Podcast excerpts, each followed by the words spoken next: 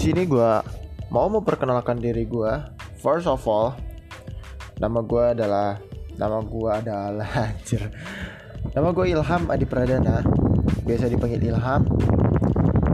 Aktivitas gue sekarang masih kuliah.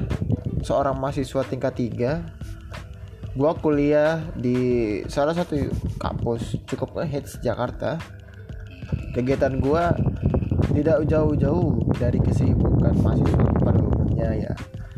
Berangkat kuliah balik kerjaan tugas tidur.